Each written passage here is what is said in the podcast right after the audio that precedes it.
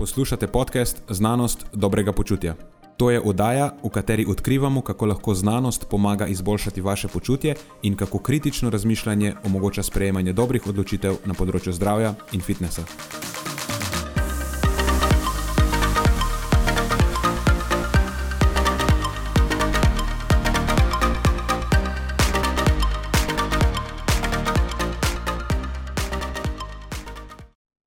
Pozdravljeni, z vami smo Nenad in moja gostja, dr. Barbara Pregel Breznik. Dr. Barbara je klinična embriologinja. Doktorat je pridobila na medicinski fakulteti v Ljubljani, trenutno pa je zaposlena na priznanem IVF inštitutu za hormonske motnje in željo po otrocih v Gradcu.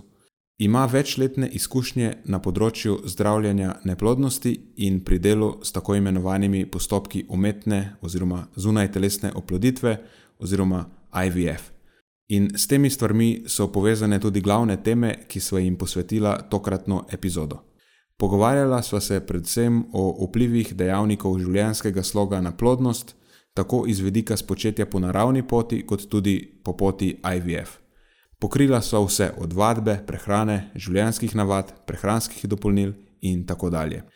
Slišali pa boste tudi precej zanimivega o samem postopku IVF, od tega, kako uspešen je, kakšni so stranski učinki, kaj vemo o vplivih na zdravje zarodka in otroka in tako dalje. Preden začnemo, pa se moram zahvaliti še našim sponzorjem. Zaenkrat to še vedno ni velika korporacija, temveč zvesti poslušalci, ki nam izkazujete zaupanje in podporo s prijavo v našo člansko skupino Znanost dobrega počutja. Hvala vsem, ki s tem držite luči prižgane in omogočate podkastu, da raste in postaja še bolj kakovosten. Hvala tudi vsem, ki nas podpirate s pozitivnimi komentarji in visokimi ocenami, ter s tem, da priporočate podcast svojim znancem in prijateljem. Zdaj pa je končno čas za začetek epizode. Uživajte ob poslušanju.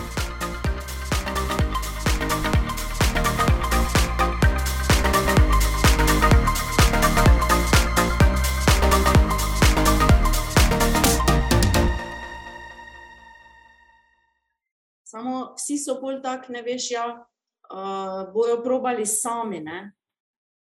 Veš, vse to je.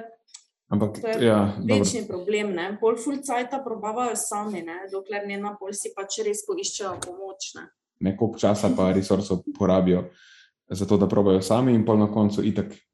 K nam ponavadi pridejo ljudje, ki so že probali sami. Uh mhm. Jaz ponavadi delam s takimi ljudmi, ki so že ne samo, da so sami probali, ampak so že tudi vse posod druge probali. Že pa pridejo od meni, da jih popravim. Tako, zdaj pa je tukaj sem jaz, razvalina, popravi me. Varianta. Pa to je v redu. Je Ma, mislim, mislim, kot poslovni model je nekaj, kar lahko obstaja. Absolutno. Ja. Ne, nič ne kaže, da bo manj in manj ljudi za popraviti, kot če mu več in več. Tako da še kar nekaj časa se ne bom mogel preseliti tja na nek uh, karibski otok in gojiti kokosov, ampak bom mogel ostati tu in delati z ljudmi. Eh, ja, ampak je pa dosti frustrirajoče, ker bi lahko neke stvari popravili bistveno prej, če bi prišli, preden so se zakopali v to luknjo. Meni je to tako, ne veš, avto pelaš malo neke cvile, malo neke rošta, ne mi rečemo, eh, pa si že pri mehaniku, ne, joj, nekaj narobe, ne, pomagajte mi, ali greš sam doma šraufati avto.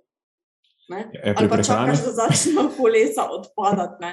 Tu pa, ker uh, imamo, ne, smo sami svoj mojster. Ne?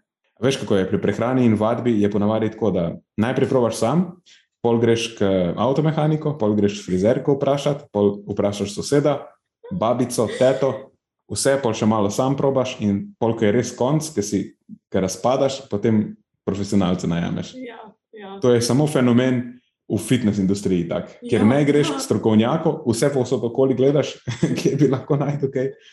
In pol na zadnje poiščeš nekoga, ki dejansko ve, kaj dela. Ja, ja noro. Ja. Če kak smo pa, kaj kak, eh, predvidevaš časovno?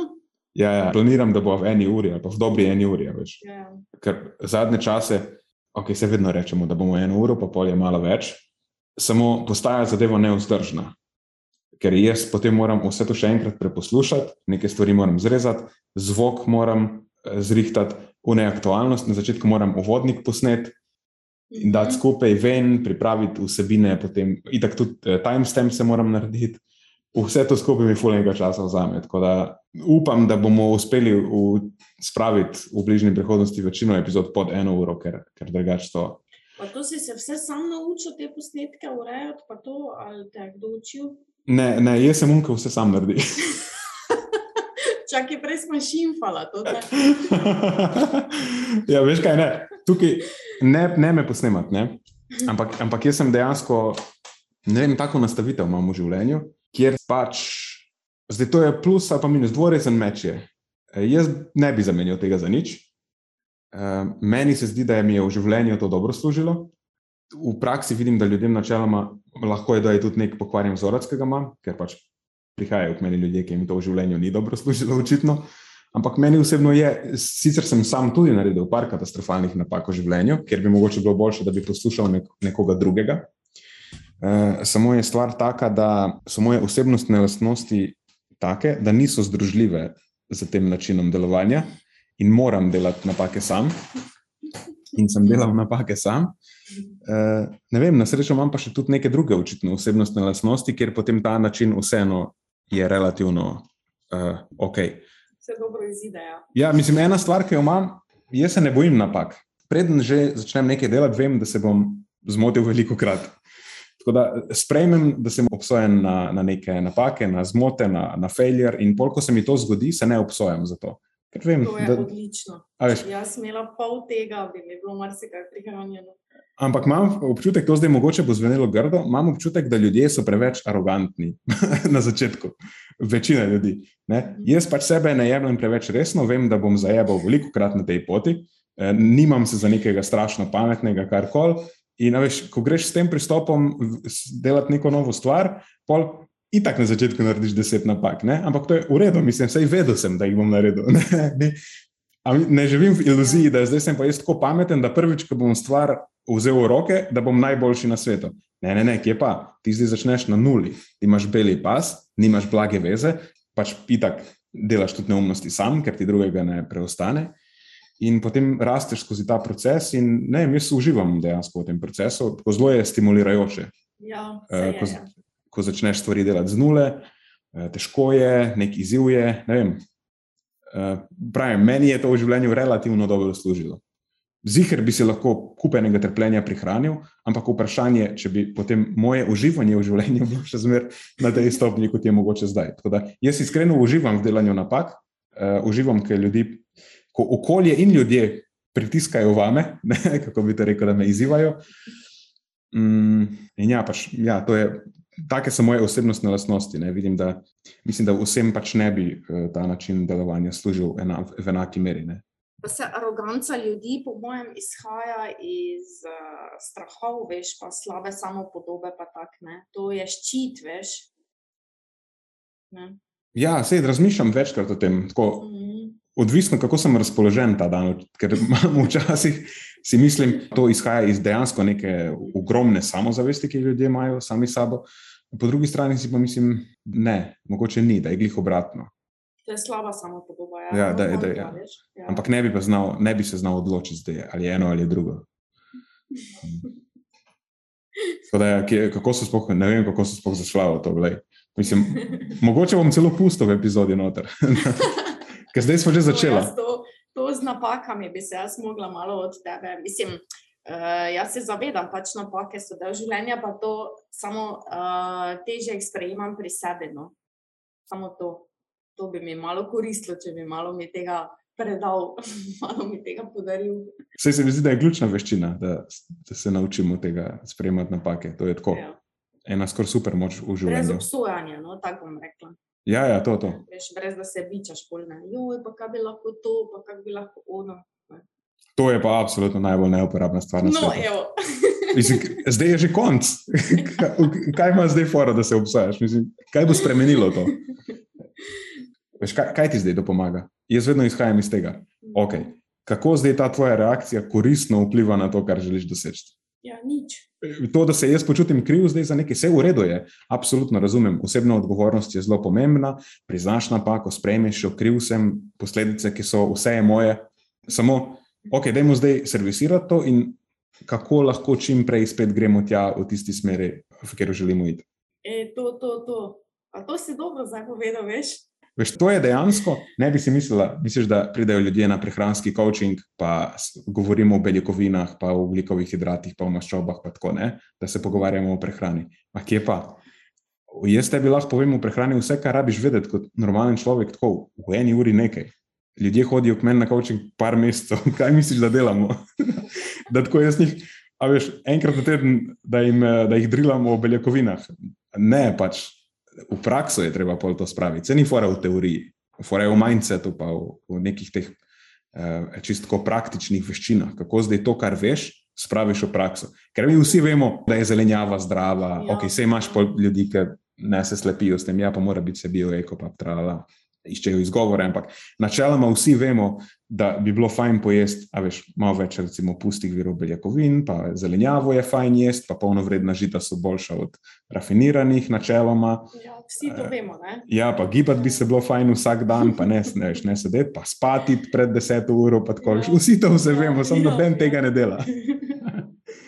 Ja, ni, ni, ni samo v teoriji ja, problem. Eh, tako da to, v bistvu je to zdaj že en zelo dober uvod v, v najmo debato, ker se bomo danes pogovarjali o dejavnikih življenjskega sloga, oziroma kako vplivajo na, na reprodukcijo. A je to prava beseda, reprodukcija? Kako je poslovensko? Ja, v redu beseda. Je v redu? Sicer tuja beseda, ne? naša bi bila razmnoževanje, ne? je to taka hecna beseda meni. U, ne, meni je pa všeč, veš? Res? ja. Tako spomni, ne vem, na biologijo srednje šole. Se klik za to, meni je pa klik za to všeč. Ok, torej danes je moja gostja, dr. Barbara, te bom kar klical.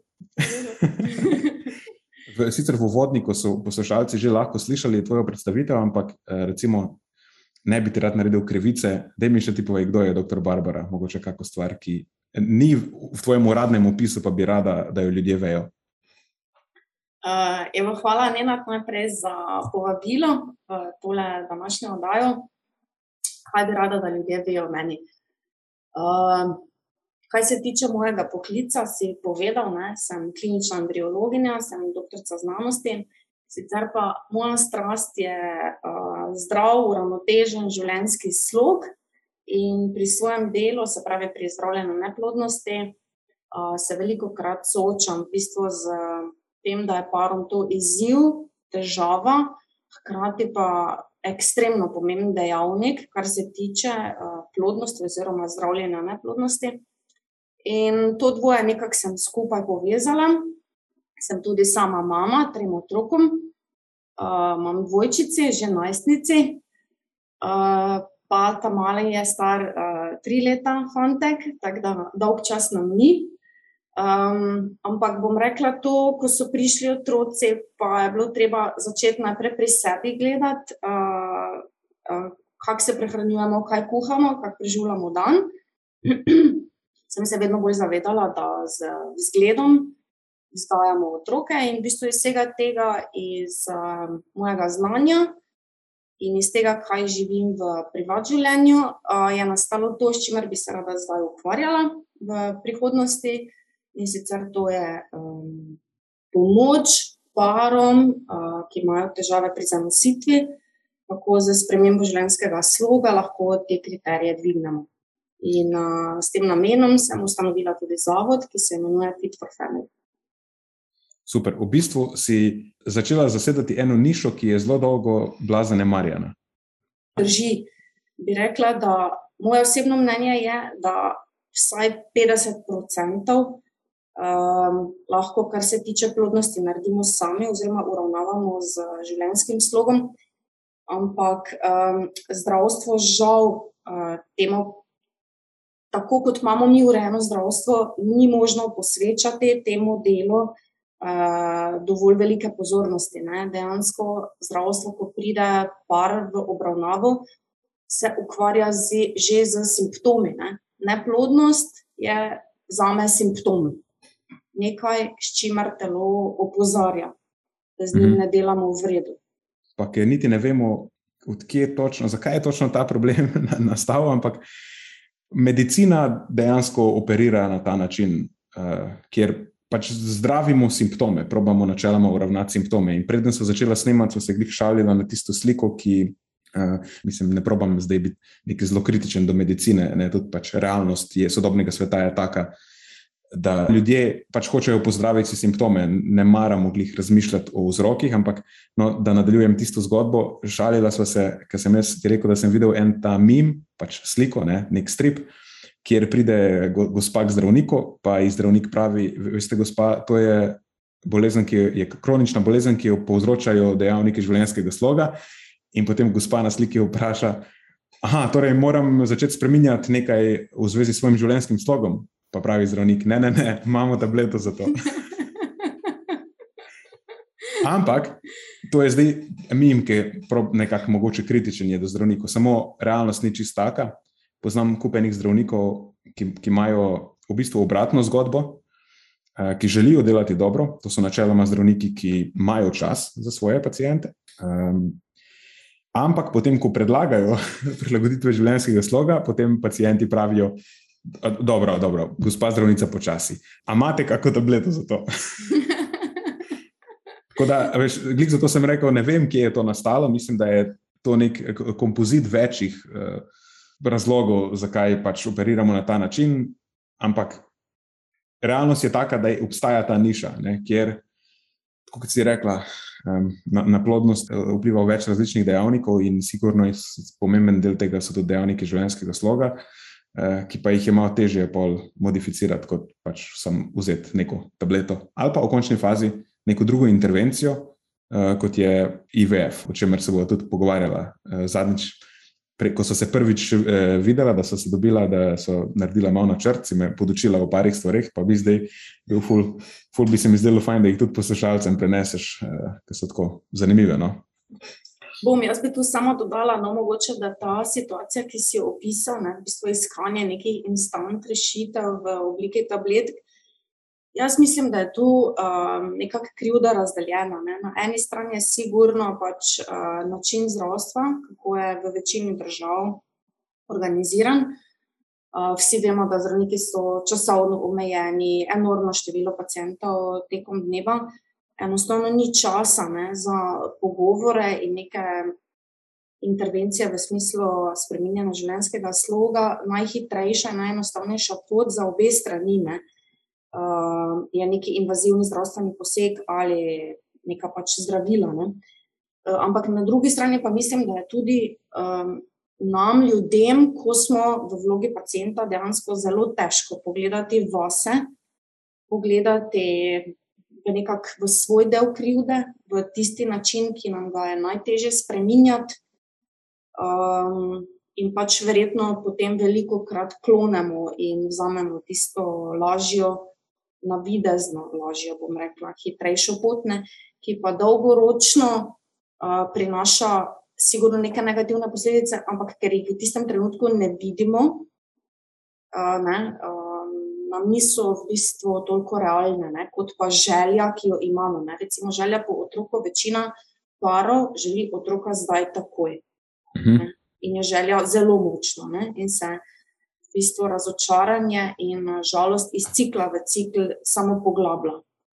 In eh, ko začne iskati pomoč, eh, je ponavadi to že uh, lahko tudi zveza načeta, ne? odnos trpi, uh, že kakšna depresivna stanja, pa takne in dejansko želijo rešitev, zdaj in takoj. Ja, vidim še eno stvar. E, tudi realnost biologije znaš že trkati zelo na vrata. In potem ti, če jim rečeš, da bomo spremenjali to še eno leto, je tako, hm, mi bi mogli imeti otroka že pred tremi leti. Ja. Ker dejansko, zanimivo je, da ljudje načeloma ne, ne vem, če je ne razmišljamo ali ne razmišljajo na ta način.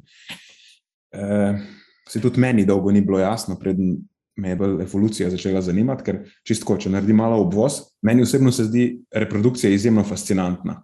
Sam sicer sebe ne vidim nekega Eh, kako bi te rekel, družinskega človeka, ki je idilična zgodba, kjer imaš, eh, bomo imeli tri Bila otroke, ograja. pa, pa bila ograja, pa hiša. Ja, pač, mm, kot nekonformist, nekako ne pademo v to zgodbo, glede dobro noter, ampak vsem je reprodukcija nekaj, kar me strašansko zanima. Ker načeloma zase rečem, da me zanimajo all things human, v narekovajih, pač vse stvari človeške. Recimo. In potem, če te zanima ena vrsta, kot je človeška vrsta, je pač eh, razmnoževanje tako ena ključna stvar pri tem in vpliva na vse, s čimer se ljudje ukvarjamo. Razmnoževanje je tako najpomembnejša stvar na svetu. Ker eh, zdaj, če se vrnem na tisto, da ne razmišljamo na ta način, ampak razmnoževanje je najpomembnejši selekcijski pritisk za nas. In ljudje smo taki, kot smo, kot vrsta, kot smo, zaradi specifik našega razmnoževanja. Ne, tudi razlike med spoloma so take, kot so, zaradi specifik tega, kako produciramo otroke.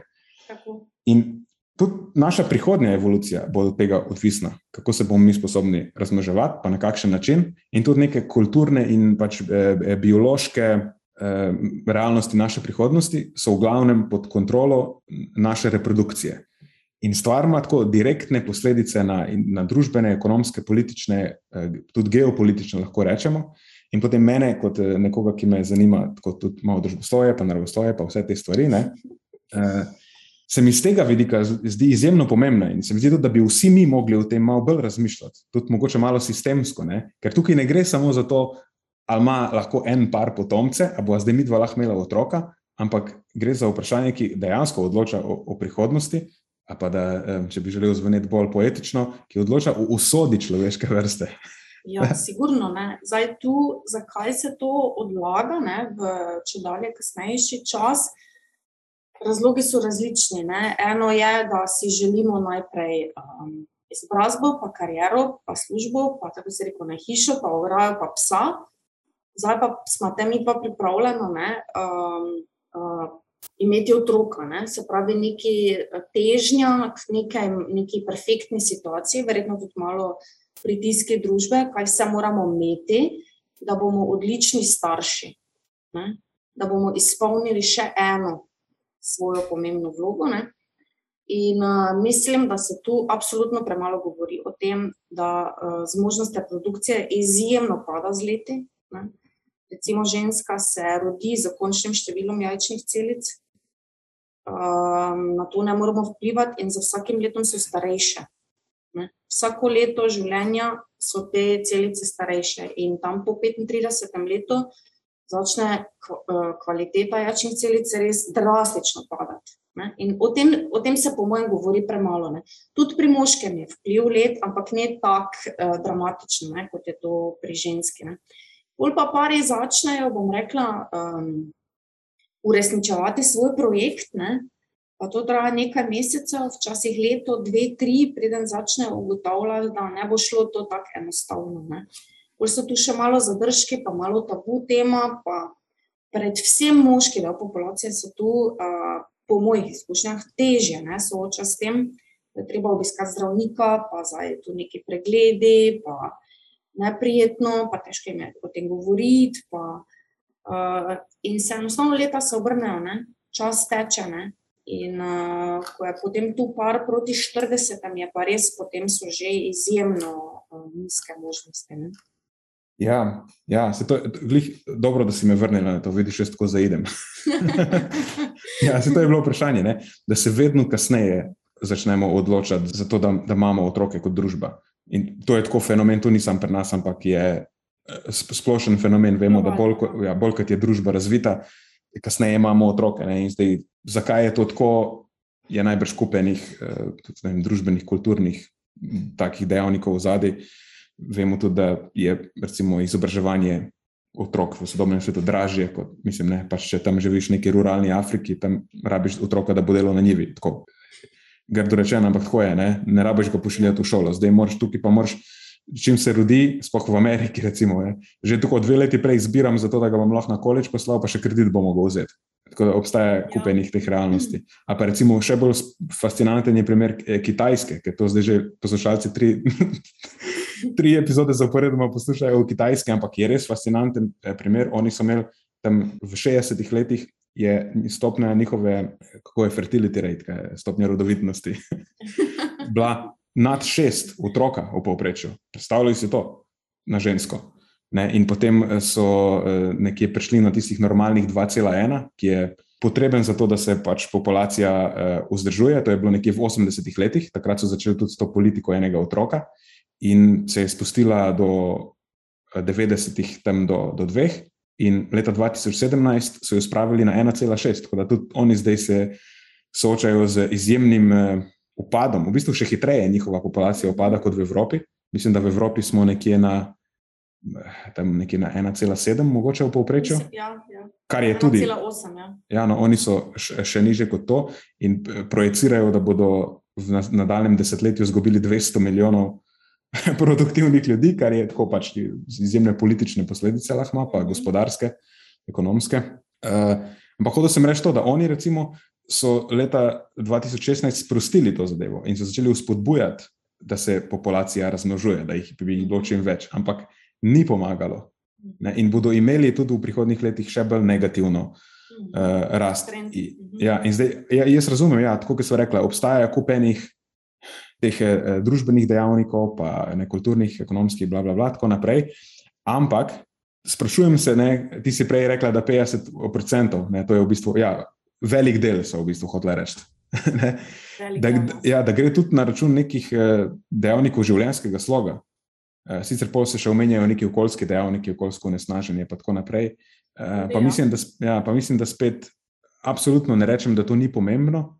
Samo včasih imam občutek, da se potem prelaga odgovornost. Ja, pa jemo full plastike, pa bral sem, da v placenti zdaj so našli mikroplastiko, pa ne vem kaj vse, pa zato ne moremo imeti otrok.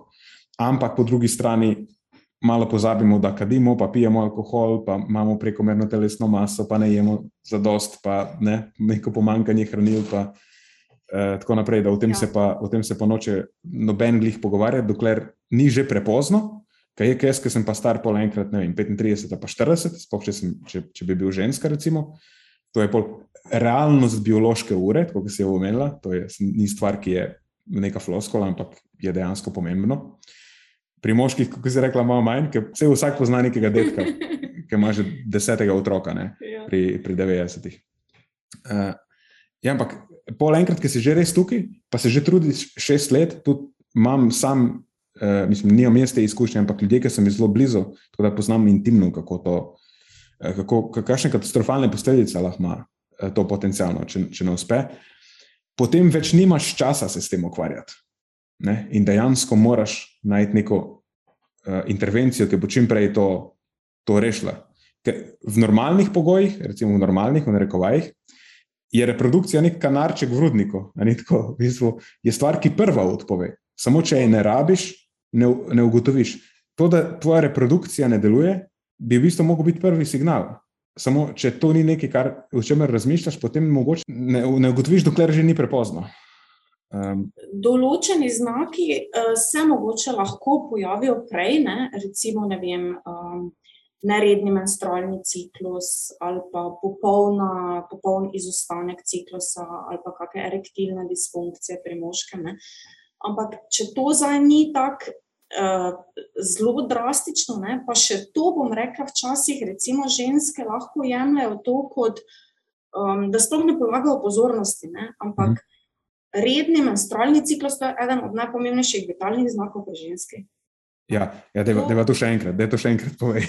Ja, to je meni noro. Ne? Recimo, um, res, ja, to je eden najpomembnejših vitalnih znakov pri ženski. In razne um, diete, ki temeljijo na izključevanju nekih uh, živil, kot so naprimer popularne LCHF diete. Ne? Jaz sem imela priložnost poslušati enega, ki je predaval o tej dieti že deset let, uh, v bistvu deluje na področju pač, um, kot prehranski svetovalec, trener in tako naprej. In on pač dela za svojimi strankami, večinoma z LCHF dietami. In na moje vprašanje, če ima njegove stranke težave uh, z motnjami menstrualnega ciklusa, njegov odgovor je bil, ja, da to je še ena prednost LCHF diete, izostanek menstrualnega ciklusa. Mislim, to je, ko to slišiš, to je grozljivo. Ne? Pol veš, da v bistvu uh, današnja populacija, ne glede na to, ali gre to za ljudi v reproduktivnem obdobju, pa si želijo otroka, ali ljudi, ali ljudi ki si želijo slušati, ali strokovnjake, ki bi nas naj vodili na tej poti, dejansko ne poznajo, ne? Uh, kako deluje uh, človeško telo. Ne? Ker popolnoma neploden par je samo tisti, recimo, pri, uh, če ženska nima jajcevodov. Ne, to je lahko posledica ali kakih uh, izvenmaterničnih nosečnosti, pa da so mogli biti jajce vodi odstranjeni, ali moški, ki nima v izlivu niti ene same semenčice. Ne, to se imenuje azolospermija, ampak taka stanja so zelo redka. vse ostalo, zmanjšana kakovost semena, um, slabše delovanje endometrija, uh, spremenjen hormonski status, uh, slaba kakovost spolnih celic in tako naprej, ne bi zdaj naštevala tu do jutri. Vse to so, vse, vse to so samo simptomi. Ne? Ampak problem je, naprimer, da če nas boli glava, najlažje je pač vzeti tableto. Ne? Bolečino sicer umilimo za nekaj časa, ampak slej ko prej, če nismo odpravili vzroka, bo bolečina zopet vdarla ven. Ne? In tako je tu pri neplodnosti enako. Mi moramo odpraviti vzrok. Ne? In ja, tako si rekel, ena od prvih funkcij, uh, ki jo telo izklopi, zakaj? Zato, ker telo oceni, da če niti za nas niso ugodne življenjske razmere, kako bodo šele za otroka. Ne? In v bistvu telo nas s tem ščiti, da nam onemogoča reprodukcijo. Ja, to, to si zelo lepo povedala. Sploh, ki si izpostavila ta primer eh, nizkohidratnih diet.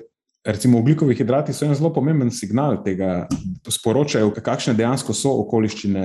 Če imaš eno tako ekstremno dieto, kjer je odsotnost teh ugljikovih hidratov, možgani ne dobijo signala, da je okolje ugodno za uh, razmnoževanje, ker ta signal, ki bi bil dejansko inzulinski, pa leptinski signal, tako. bi potem uspodbudil hipotalamo, hipofizno gonadno os, da se stvari začnejo premikati, pa da delajo uh, normalno. In pač inzulin je nek signal kratkoročne energijske razpoložljivosti, takoj po obroku je visok in to signalizira, da zdaj v okolju je zadosti hrane, v okolju je relativno varno. In potem imaš leptin, kjer tudi dejansko preko inzulina, ugljikovi hidrati. Eh, vplivajo tudi na leptin, in je to signal neke dolgoročne energijske razpoložljivosti, kjer pa je spet signal možganom, da okay, v telesu je zadosti zaloge energije, tudi če v okolju je nekaj časa ne bo, še zmeraj je zadost, da vzdržujemo plod, pa kasneje uh, otroka. In, in ni to stvar samo oglikovih hidratov, bi lahko rekla, da je vseh esencialnih hranil. Ko nečesa ni zadosti, potem pač je to signal, da okoliščine niso prave in da je lahko otrok nevaren za, za tvoj obstoj in za tvoje nadaljno razmoževanje in se zadeva izklopi. Um, Tako, to so nosečnost, ne že menstrualni ciklus, sama nosečnost, kaj še lepo skrb za otroka. To, zelo, to so zelo energetsko potratni procesi. Ne? Uh, tudi, recimo, hormoni tekom nosečnosti delujejo tako, da v bistvu uh, telo deluje bolj proti skladiščenju maščob, ne? zato ker se pripravlja ne? za čas po porodu, ko bo mamica dojila, mogoče ne, vem, ne bo tako, bom rekla, ne bo se mogla tako hitro premikati in se dela zaloge. Ne? Eh, da bo lahko skrbelo, pač, da, da bo lahko poskrbela za svojega otroka. Uh -huh. ja. uh, ljudje razumejo reprodukcijo kot to, da lahko imaš otroka. Ne razumejo, da to ni njim signal, da ženska zgubi menstrualni ciklus. To marsikeri ni signal, da je karkoli narobe. To, to me uh, preseneča in mogoče, vse mogoče je v redu beseda. Uh, In pa tudi pri moških, doskrat, veš, mislim, ko stvari ne delujejo tako, kot morajo, ali pa neko, ni neke želje, pa le to je signal, da nekaj ni prav. Ne, to, ni, to ni benefit. Kakorkoli zdaj, mogoče v mladosti, sploh si misli, da ja, pa se v redu, pač ni nevarnosti, da bom zanosila ali pa karkoli. Ja, sam so pa nevarnosti, da zgubljaš neko osnovno mineralno gostoto, da trpi tvoje kardiovaskularno zdravje Absolutno. in povišaš svoje tveganje da kasneje, ker to so lahko trajne posledice, je tako na reprodukcijo. Seveda. Tu bi še mogoče ne uh, omenila, ko si izpostavil glih inzulin, pa leptin, pa preniske koncentracije ne, pri izogibanju hidratov ali pa pri nekem stradanju, pri ženskah, ki se pač izstradajo pod neko normalno telesno težo. Uh, problem so tudi previsoke koncentracije ne? Eh, in leptina in inzulina. Ne? Se mhm. pravi, kadar razvijamo ali neko inzulinsko rezistenco, pa je inzulin dolgo, tra, um, dolgo časa visok, ali pa pri prekomerni telesni teži, ker je leptin dolgo časa visok. Prav tako ogromno število študij, ki direktno dokazuje ne? Mhm. vpliv na kakovost uh, jajčnih celic, recimo na dozorevanje jajčnih celic. Ker če celica, ki se sprosti pri ovulaciji, ni zrela, ni sposobna oploditve. Uh mhm. -huh. Taka celica ne more se razvijati naprej v zarodek, kaj še le v otroka. Ne? in na sprejemljivost endometrija, in na potek same nosečnosti. Ne. In enako pri moškem, ne, da ne bi zato mislili, da je vse na ženski. Ne. Kakovost semena zelo močno korelira in z uh, body mass indeksom. Tukaj se mogoče bi lahko komu zdelo paradoksalno. Pa bi tako, ok, mislim, prej si rekel, da če ni zadost zaloge energije v telesu, ne, potem ne, mo ne moreš producirati otroka, ker se delo izklopi. Ampak zdaj bi potem pričakoval, da ko je tako veliko zaloge energije in tako veliko insulina in tako veliko leptina, da bom potem super ploden. Viš, kako ljudje lahko se hitro zapletemo, ne, če tako razmišljamo. In pol bi rekel, hm, in nekoč v preteklosti so slavili bolj take e, bujne ženske, ker je to bil Marok, znak, to. znak neke fertilnosti, ja, ja. Ne, neke rodovitnosti. Ne. Ampak v bistvu gre za to, da enkrat, ko je tvoje e, telo v tako nezdravem stanju, recimo temu, pač vse je nezdravo stanje, in ko so ravni teh hormonov toliko povišene, dejansko pride do odpornosti proti tem hormonom in ni signalizacije. Ti imaš full tega v obtoku, ampak nič se ne zgodi, tako karikirano. Ne, in dejansko je telo. Celo telo v ravnotežju, balans, to, to je tisti ključ. Rabimo normalno fiziologijo, vse mora eh, delovati optimalno, ne, ne preveč, ne premalo. Kada to je tisto, kar se, kar se dejansko proba doseči. Tako da noben ekstrem ni dober. To je skoraj pravilo. Je, no? ja, zakon, biološki zakon, neke vrste. Okay, zdaj sem malo preskočila, ker sem te želel na začetku vprašati za definicijo. Uh, pa že si uh, govorila o tem, si rekla, da pač, ja, imamo nekaj, rečemo, tem, lahko rečem, primarna neplodnost, ki je v bistvu prirojena. Lahko, ja. Ampak ljudje, ja, ljudje ne razmišljajo o tem, da si lahko to zadevo tudi do neke mere pridelajo. Zdaj lahko je to nekje na spektru, da sem manj ploden, kot bi bilo optimalno za me. Lahko pa ja, se najbrž, predvidevam, tudi približaš z, z temi nekimi pač sekundarnimi vzroki, vzroki temu, ker si skoraj čist neploden. A je tako? Ja, je tako. Zdaj, prvo bi te edino tu popravila. Uh, primarna, sekundarna plodnost se v naši stroki nanaša na to, ali nisi zmožen sproducirati prvega otroka, ali pa si imel prvega spontano, pa drugi ne gre. Ne? Aha, okay. Ampak uh, ti si tu mislil izraz bolj v tem, da dejansko obstaja pač neki neobhoden razlog. Ne? Zdaj lahko uh mhm. -huh. je to, kako sem rekla. Ne? Um, Pri moškem azospermija, ne, se pravi popolno, popolna odsotnost semenčic v izlivu, to so lahko razni genetski faktori, lahko gre pa za obstruktivno azospermijo, to pomeni, da bistvo nekaj fizično preprečuje, uh -huh. uh, da bi se menšice prišle v izliv. Ne? Take primere rešujemo recimo z biopsijo testisov ali pa aspiracijo testisov, se pravi, odvzamemo del tkiva, pa izoliramo semenčice iz tkiva. Pri ženskah je pa take primere, tako kot sem rekel, odsotnost jajca vodov. Ne? Ampak um, par načeloma nekje uh, eno leto ne, nezaščitenih spolnih odnosov. Zdaj, dobro, če poznamo, da že v štartu um, obstaja eden od opisanih razlogov, absolutno logično, ne bomo čakali eno leto, sicer pa nekje eno leto ne, uh, nezaščitenih spolnih odnosov. Če pa je ženska stara več kot 35-37, pa se to smatra že po pol leta. Aha, okay. Je pa recimo to v Sloveniji uh, že vsak šesti par, ne, kar je okay. v bistvu uh, zelo visoka številka. Ne? Recimo, če si zamisli vsak od nas, ne vem, šest svojih sodelavcev, sebe pa še pet svojih sodelavcev ali pa nekih bližnjih prijateljev, eden od njih bo sigurno imel um, težavo ne, z zanositvijo. Ali pa recimo v Sloveniji 5% vseh otrok je ustvarjenih z zunaj telesno oploditvijo. Se pravi, vsak 20, vsak razred, recimo v šoli, ne, ima sigurno enega otroka, um, uh -huh. izpočet za biomedicinsko pomočjo. In po, potem se reče, da je par neploden. Če je eno leto, oziroma pol leta, odvisno od starosti. Takrat se začne potem uh, klasična diagnostika. Uh mhm. -huh. Rekl si, da je eden od, je eden od šestih parov. E, a bi zdaj, a obstajajo neke statistike, koliko od tega je to nek neobhoden vzrok, in koliko tega bi mogoče lahko pripisali nekim dejavnikom življenjskega, pa neugodnemu življenjskemu slogu? Uh, v bistvu tega, kaj sem opisala, ko res pač je IVF edina možnost, je zelo malo. Ne?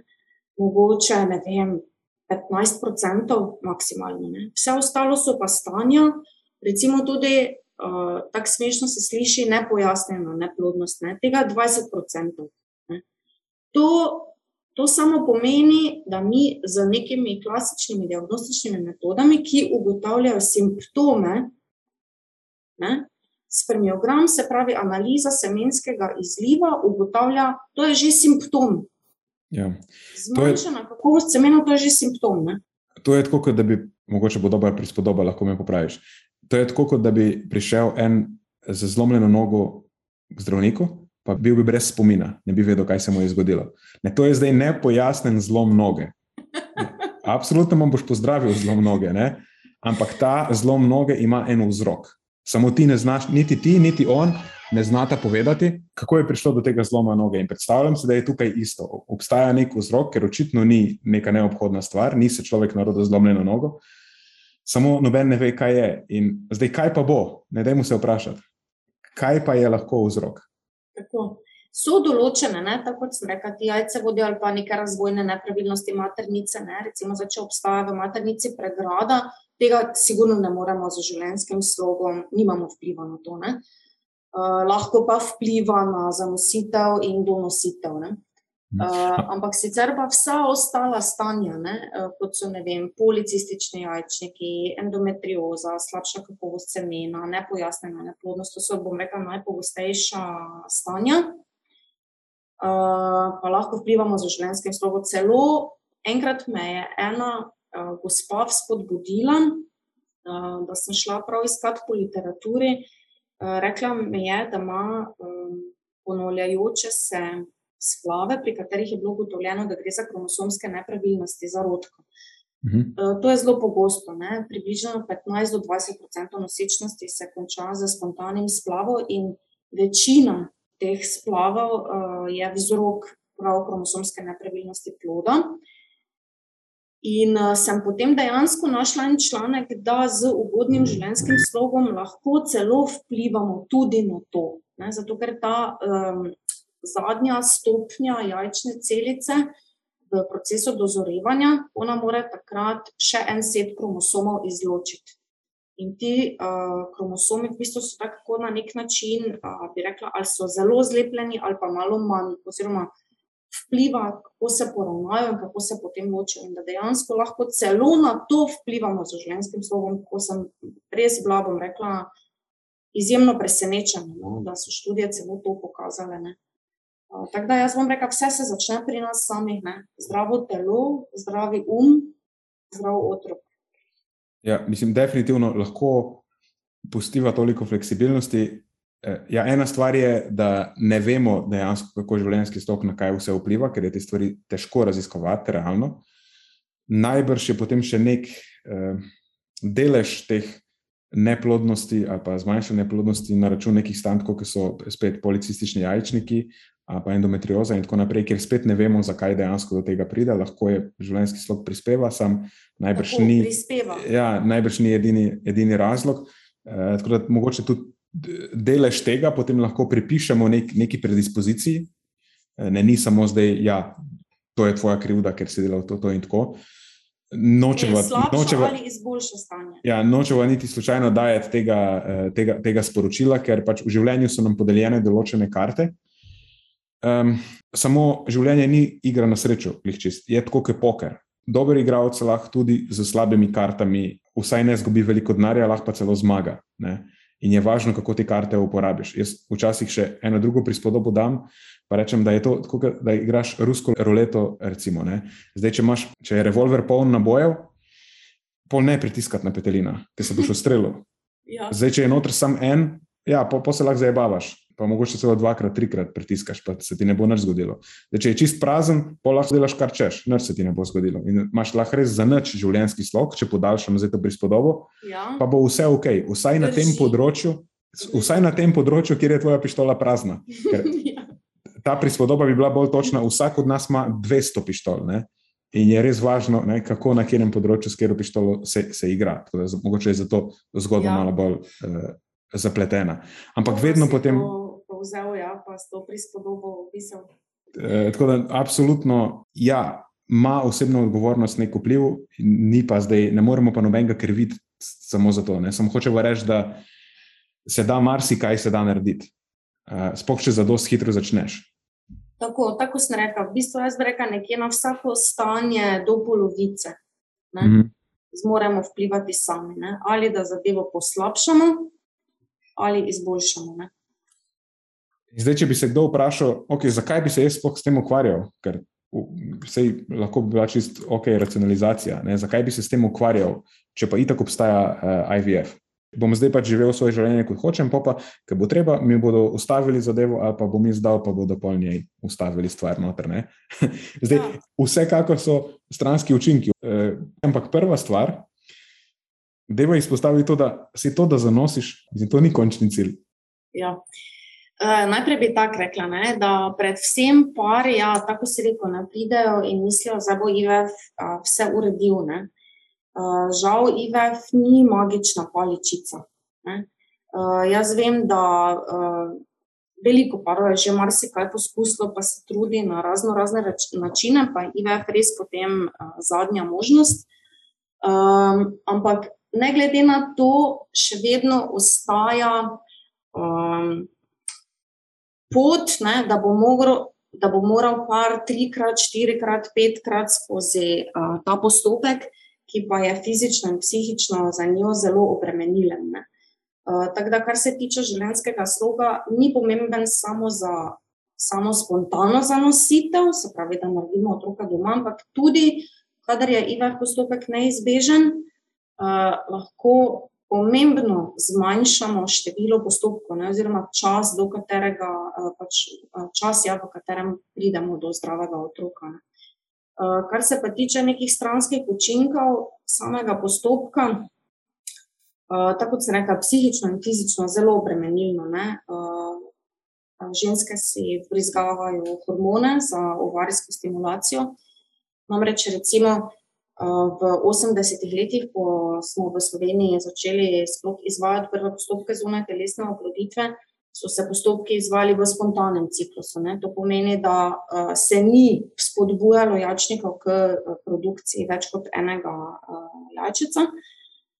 Sedaj, seveda, to se stimulira z visokimi dozami, zato da se v enem ciklusu pridobi več jajčnih celic, več zarodkov in da ima par, par več možnosti. Ne v bistvu cela ekipa stremi k temu, da se, da se v čim večji uh, verjetnosti parov izpolni željene. Pričemer se pa moramo zavedati, da kljub temu, da se cela ekipa trudi in deluje proti istemu cilju, je uspešnost IVF postopka, če so vsi pogoji optimalni. To pomeni, da gre za mlado žensko, kakovost semena uh, je normalna, uh, nobenih nekih težjih patoloških stanj je um, uspešnost IVF postopka okrog 40%. Ne. Kadar so pa ti parametri slabši, se pravi, ali da gre za slabšo kakovost semena, uh, starejšo žensko, kakšne policistične jačnike, tudi endometrioza ima vpliv na kakovost jačnih celic in zarodek, uh, so pa te možnosti veliko nižje.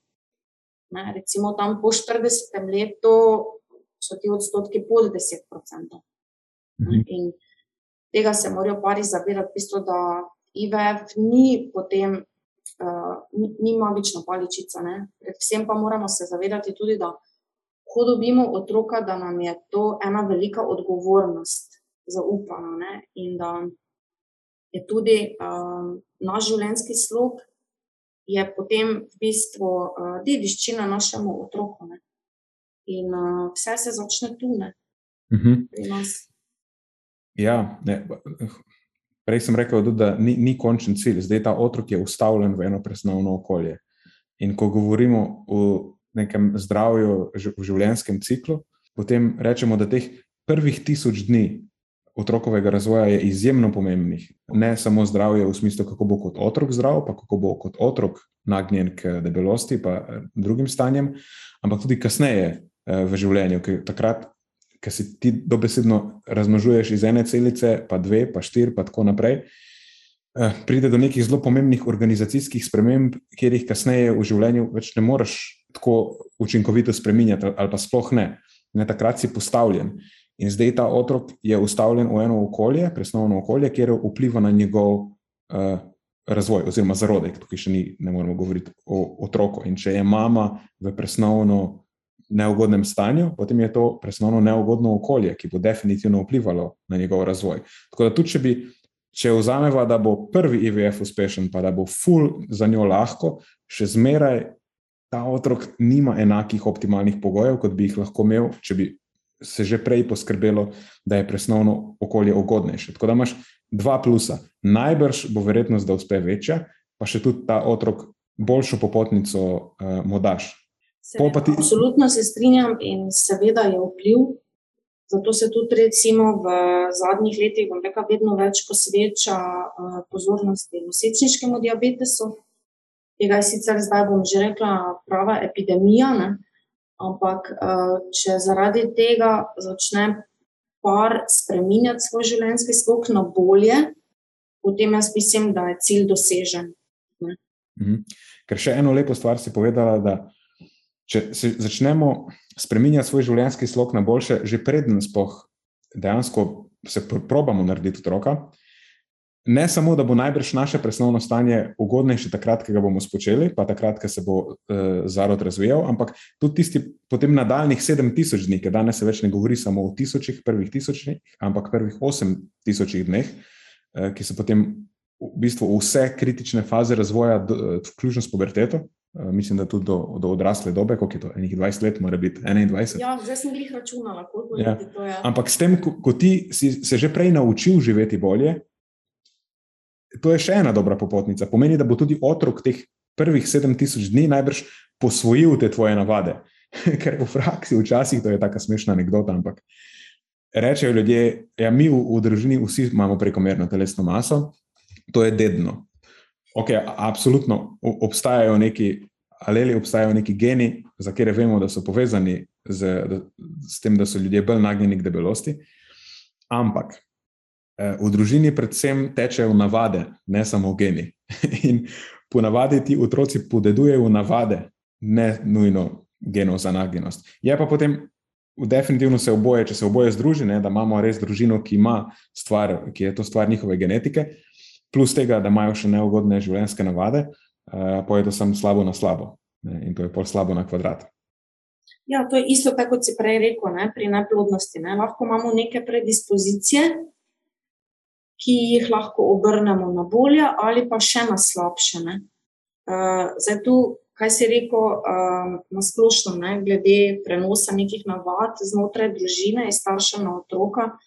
Tu bi jaz res, bom rekla, apel, apelirala na, na pare, da je uh, prehrana otrok res izjemnega pomena. Tudi, recimo, zdaj nas se spomnijo, kakšne težave imajo, kako je njim težko, ko se soočajo z neplodnostjo, pa morajo iti skozi neke postopke. Pa to uh, zdrav življenjski slog v otroštvu je že pomemben in vpliva na, uh, na plodnost potem njihovih otrok.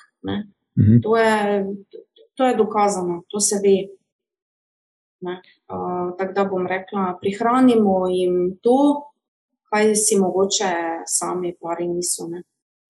Ja, no to je še ena stvar, o kateri smo se na prejšnjem sestanku pogovarjali. E, ta stvar epigenetike, ne, kjer dejansko pride do nekih označb na pač genetskem materialu, ki se lahko prenašajo v naslednje generacije. In mene skrbi, da to, kar zdaj slabo delamo, lahko da se bo izraslo šele čez dve, tri generacije, še večji sili kot zdaj. In pa se bomo vprašali, ok, v redu, to je zdaj že kriza, kako lahko to rešimo, kje moramo začeti. In pa bo odgovor pred tremi generacijami. Kaj v, te, kaj v tem primeru? To je nerešljivo potem več. Ja, zdaj, ko si omenil epigenetiko, ne, to se tudi ve, ne, da postopek zunaj telesne oploditve uh, vpliva na spremembo teh vzorcev Tu seveda mi zdaj ne moramo narediti nič proti temu. Uh, lahko samo opazujemo, kaj bo to uh, prineslo na dolgi rok. Uh, za naprimer, že vi, um, vem, spontani splav, recimo, so malo pogostejši po postopkih zunaj telesne oploditve. Um, ampak dejansko, uh, moraš vedeti, da prvi IVF otrok je bil rojen leta 78. Ne? To je bila Louise Brown, ona je zdaj stara 43 let. uh, ima že dva otroka, koliko je meni znano, po naravni poti. Uh, Kakšne bojo pa to v svetu, recimo, imamo pa 8 milijonov otrok, rojenih po IVF-u. Ampak nimamo še tretje, četrte, pete generacije. Ne? Ko bo IVF otrok, imel IVF otroka, pa ta bo mogoče vem, eh, bil prej zamrznjen deset let, ne? In tako naprej. Ne? V svetu uh, najdlje zamrznjen zarodek je bil, mislim, na 27 let. Ne? In to so neki dolgoročni učinki, ki jih lahko slutimo, niti približno pa ne vemo, kaj bo to, kaj bo to prineslo ne, na dolgi rok. Ne. In dan danes bom rekel, ko smo vsi tako zelo rezervirani okrog cepljenja. Ja, to je, ko si mi to prvič povedala, jaz sem bil tako. O, to se nobenemu ni zdelo prej problematično, tako nonšalantno. Gremo, veš, gremo na IVR, pa pa ker nekdo omeni cepivo, je pa to zdaj eksperimentalna stvar. Ampak po 27 letih odmrznem zadevo in jo ustavim, in Kako to zdaj ni eksperimentalno? Zakaj ja. to nobenemu se ne zdi problematično? Absolutno. Ne? Mislim, to se za mogoče tako zelo grozno sliši, um, ne? da se izvajo neki eksperimenti na ljudeh. Um, par se vedno z vsem seznani, uh, podpiše vse privolitvene izjave, so mu predstavljena vsa poznana tveganja in tudi, bom rekla, še kakšne domneve, kaj bi lahko bilo, tudi povemo, kadar gre za neko eksperimentalno metodo. Um, ampak, če vzamemo primerjavo, ne, v Sloveniji smo do zdaj, mislim, da porabili že milijon odmerkov cepiva. Ne. Uh mhm. -huh. Verjetno bi zdaj že, ne vem. Neki kratkoročni učinki so poznani, ne? dolgoročni pa seveda ne poznamo, ne? ampak tudi tu ne. ne? Tudi, tudi za IVF ne vemo, kaj bo to prineslo na dolgi rok. Ne? tukaj samo moramo izpostaviti, da tudi če obstajajo dolgoročni učinki cepiva, so ti najbrž zanemarljivi v primerjavi s tem, kakšne bi lahko bili ne, tukaj dolgoročni učinki.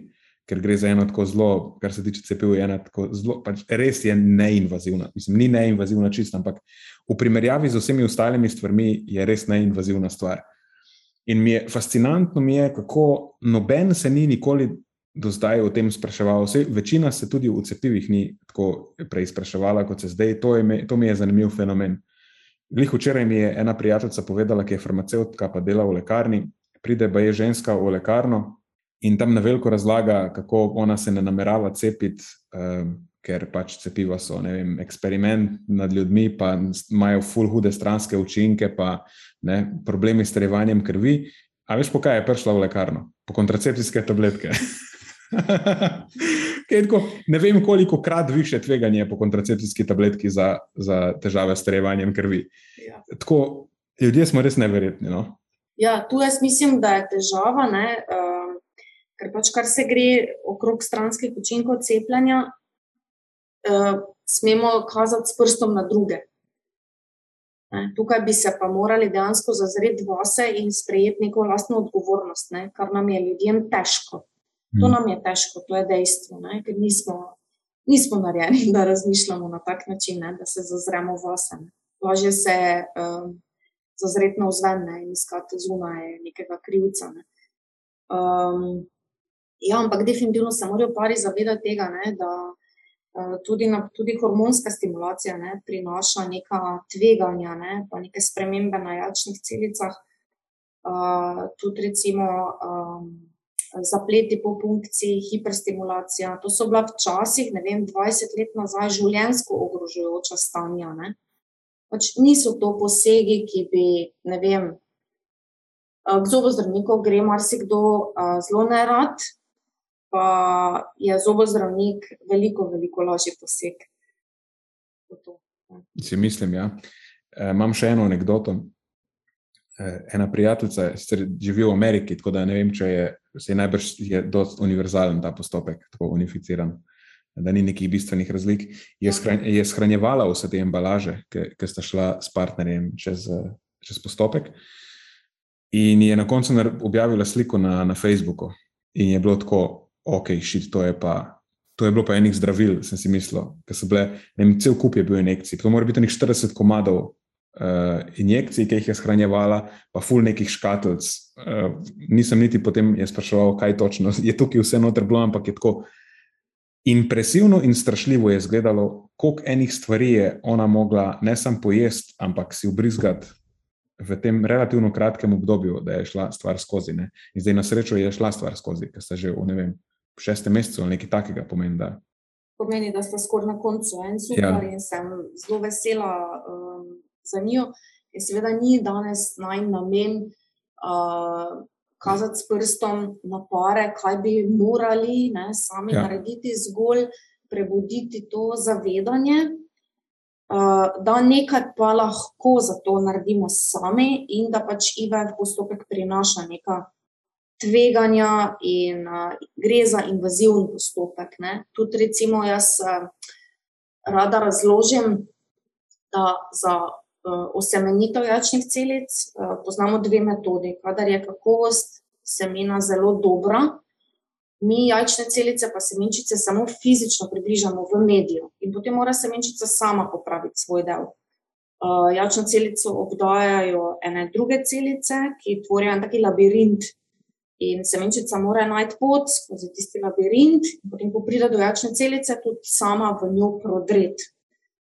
Pri tem, seveda, poteče naravna selekcija. Uh, pri drugi metodi, kadar pa gre za uh, težjo obliko moške neplodnosti, ki se imenuje ICSI, pa mi z eno tako posebno iglo vnesemo semenčico v citoplazmo jačne celice. In to je zelo invazivno. Ne? Če si predstavljaš, v bistvu, da greš ti v eno samo celico z iglo in vneseš semenčico noter in jo odložiš, in greš z iglo zopet ven. In da se iz tega potem razvija naprej zarodek. Ne? Ampak uh, pač da to ni tako enostavno ne? in da tudi kakovost semena igra res tu ključni dejavnik. Ne?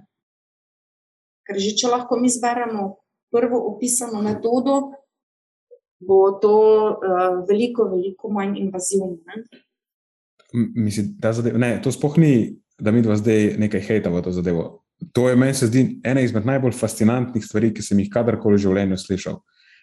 Ker tehnološki napredek je to omogočil, to je meni pač sam neverjetno mi je, ker ti zdaj lahko, to je nevijabilno bi to bilo, to je, ker imaš semenčico, ki absolutno ne more niti te prve selekcije preživeti, in jo zdaj ti ustaviš noter in narediš zarodek, in ga daš, to je pač sam super. In tudi ja, predstavljam si. To absolutno ne bi bilo nikoli mogoče.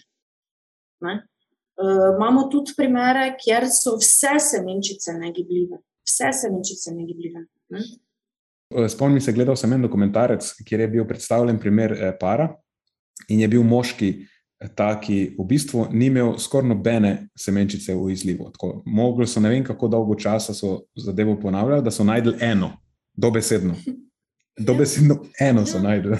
Ja. In potem so z tiste ene naredili otroka. Meni je bilo ja. tako to mind blowing. Ja. Ja. Uh, to je res, ne? Uh, mi tudi to skrat rečemo. Ne? Se za enega otroka rabimo samo eno jajčno celico, pa samo eno semenčico. Ne? sploh pri parih, kjer je to res eh, zelo, zelo okrnjeno.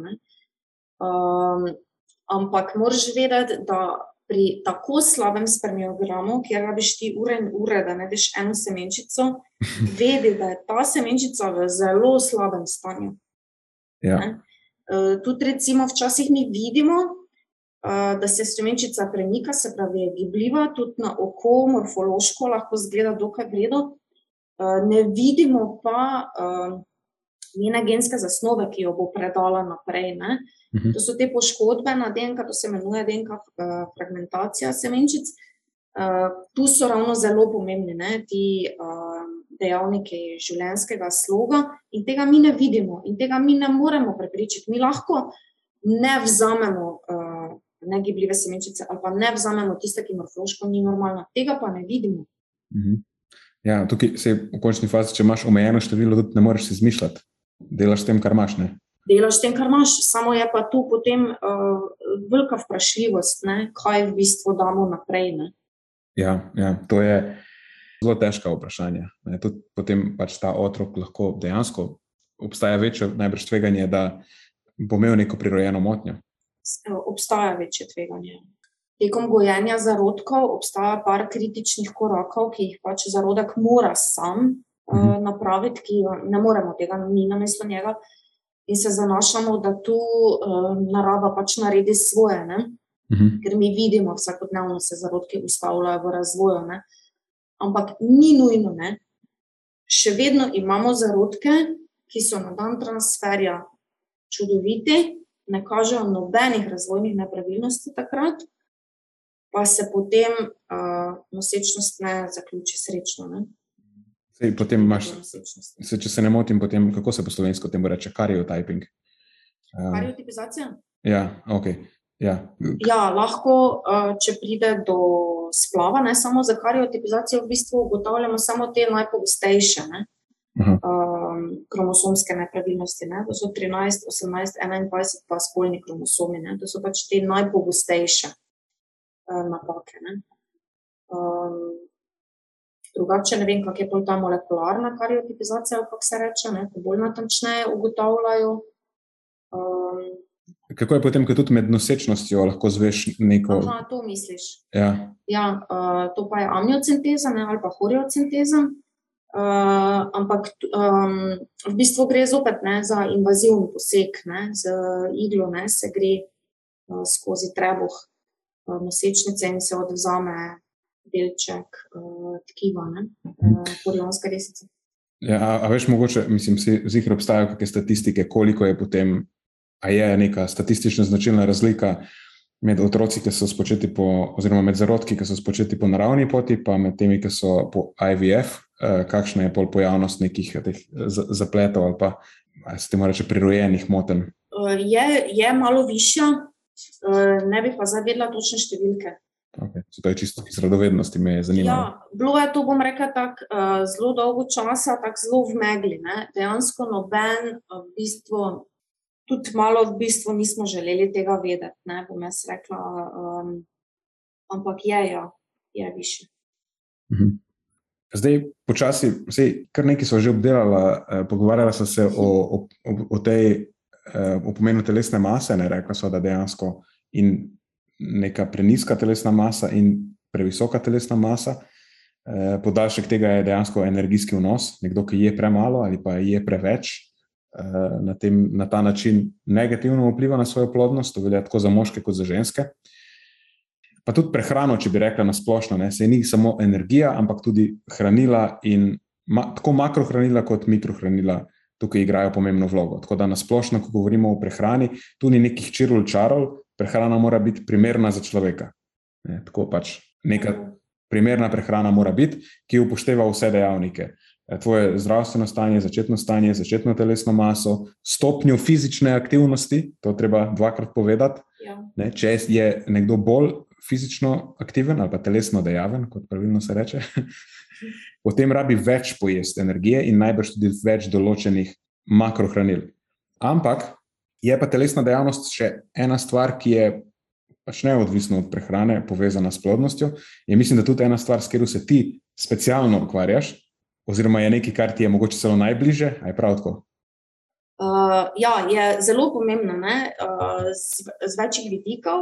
Uh, kadar gre za uh, previsoko telesno težo, ne, o tem smo že govorili, takrat je leptin previsok in izredno negativno vpliva na, na reprodukcijo. Uh, in telesna aktivnost nam takrat, uh, seveda, zelo ugodno služi k, pri zniževanju telesne mase, se pravi pri izgubljanju maščobe. Uh, pa pri ohranjanju mišične mase. Kaj bi pa jaz tu uh, tudi rada povedala, zraven je pa, da uh, vadba dokazano deluje ne, kot antidepresiv, ne, se pravi, sprošča. Ne. To je isto, kot da bi mi vzeli eno tabletko. In bi jaz tu res apelirala na pare, da um, včasih mi kdo reče, da ja, pa se grem, ne se gremo, tako enkrat na teden gremo na sprehod. Ne to je premalo. Ne? Če nas obkrožajo ljudje, ki nič ne gibajo, uh, potem je res enkrat na teden, uh, glede na okolico, se nam zdi dosti. Ne? Pa ni, uh, res naj bo tu telesna aktivnost vsaj trikrat na teden, pa to naj bo dovolj visoka intenzivnost. Ne? Sprehodi so za mlad par premalo. Ne? Dobro, če gre za neke, neko telesno stanje, ker druga fizična aktivnost ni mogoča, potem seveda boljše to. Um, ampak se pravi, tudi kar se tiče tukaj z vidika obvladovanja stresa uh, in z psihično stisko, s katero se sooča par zaradi neplodnosti in glede obvladovanja stresa, ki prenaša vem, službe, način življenja, okolje, v katerem bivamo. Ne, in tako naprej. Uh -huh. Mm, lahko rečemo, da se večina ljudi v sodobnem svetu ima problem, da se giba premalo. Ja. To je dejansko res. Ja. In bo večini koristilo. Vožnja s avtom. Ja, in, in kar koli bo več, bo korak v, v pravo smer. Je pa potem tudi pomembno, da ja, niso to samo neki sprehodki, da lahko še neke koristi dodatne prinese vadba z bremeni, ali pa mogoče neka bolj intenzivna oblika, kot je. Tukaj bi zdaj rekel vožnja s kolesom, ampak je to tudi kontroverzna stvar, kar se tega tiče. Sploh, eh, ko govorimo o nekih tako resnih kolesarjih, rečemo temu, eh, ker potem imaš zanimive raziskave, ker ja, absolutno.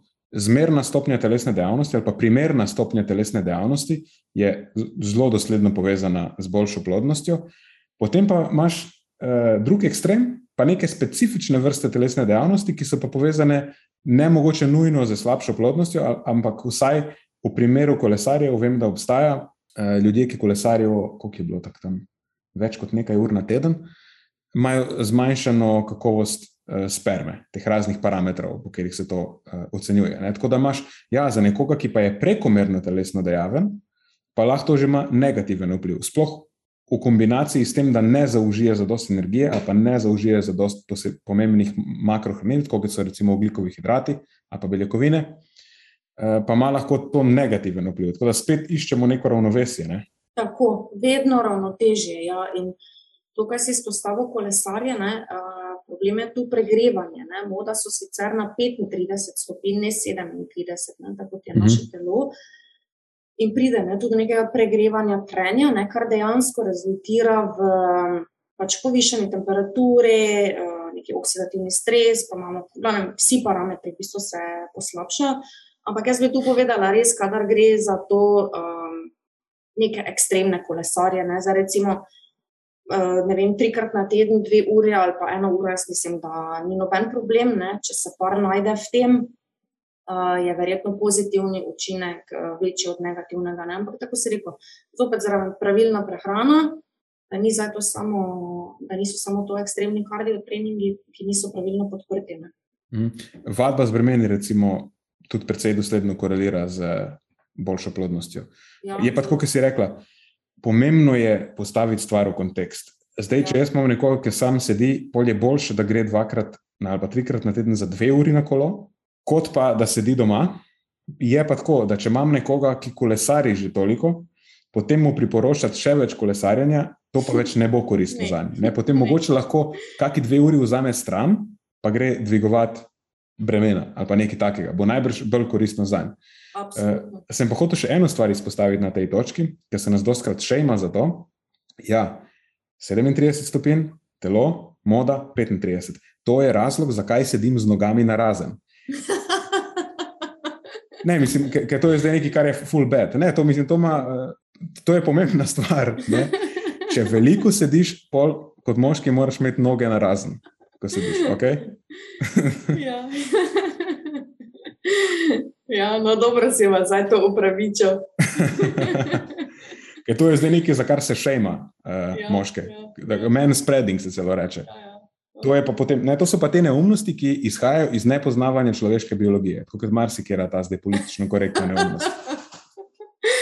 No, tako da drugi, če ti bo kdo kaj rekel, ga kar poduči ja. malo o biologiji. To je zdaj sicer, ja, to je zdaj sicer moj rent, ne, ampak jaz tako rečem, da večina teh neumnosti, ki zraste na zelniku, teh nekih, eh, pa nočem zdaj vseh državoslovcev metati v, v en koš, ampak teh nekih, ne, neke polit, politično korektne struje, ki se zdaj ki pridobiva na, na, na veljavi, izhaja iz nepoznavanja biologije. Ne? Tudi, ko govorimo o razlikah med moškim in žensko, in tako naprej, uh, so tukaj nečudne ideje, ampak da ne zaidem.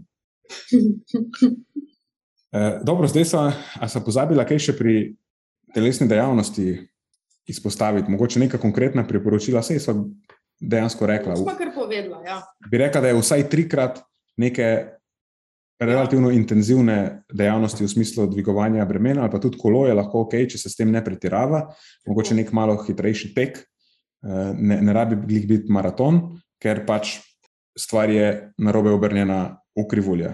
Pomeni, da na neki točki je več telesne dejavnosti, neha biti koristno. Tako. Eh, je pa res, ta procent sicer bi zdaj potegnil pač od nekje, ne bom povedal odkje, ne, ampak recimo, da 80 odstotkov ljudi.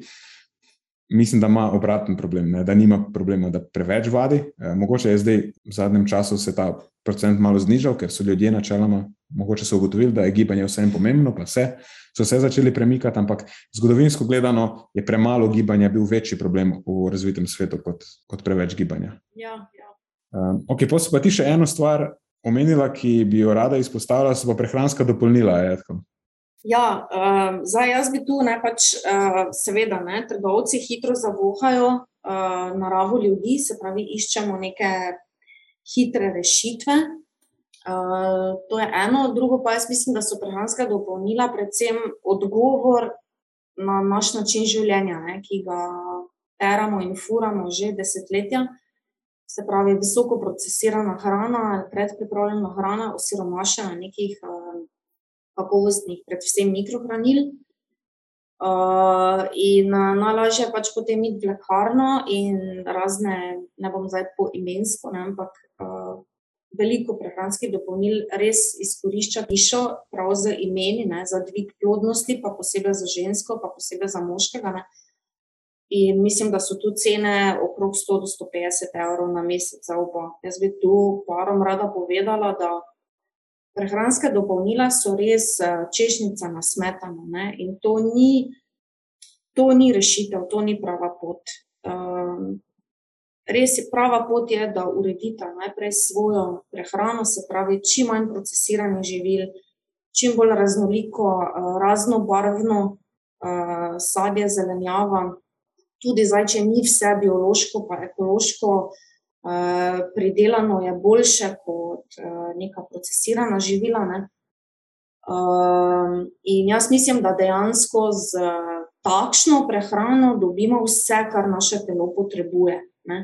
Tudi zadnjič sem našla podatek, recimo folna kislina, ena izmed najpogostejših in najbolj običajnih prehranskih dopolnil, ki ženske pričnejo imeti že pred zanositvijo, pa jemljajo celo nosečnost. Um, ja, seveda, študije dokazujejo, uh, da ugodno vpliva absolutno uh, na zapiranje te neuralne cevi. Jaz ne bi nikoga rada tu zdaj odvrnila od um, nekih pozitivnih učinkov.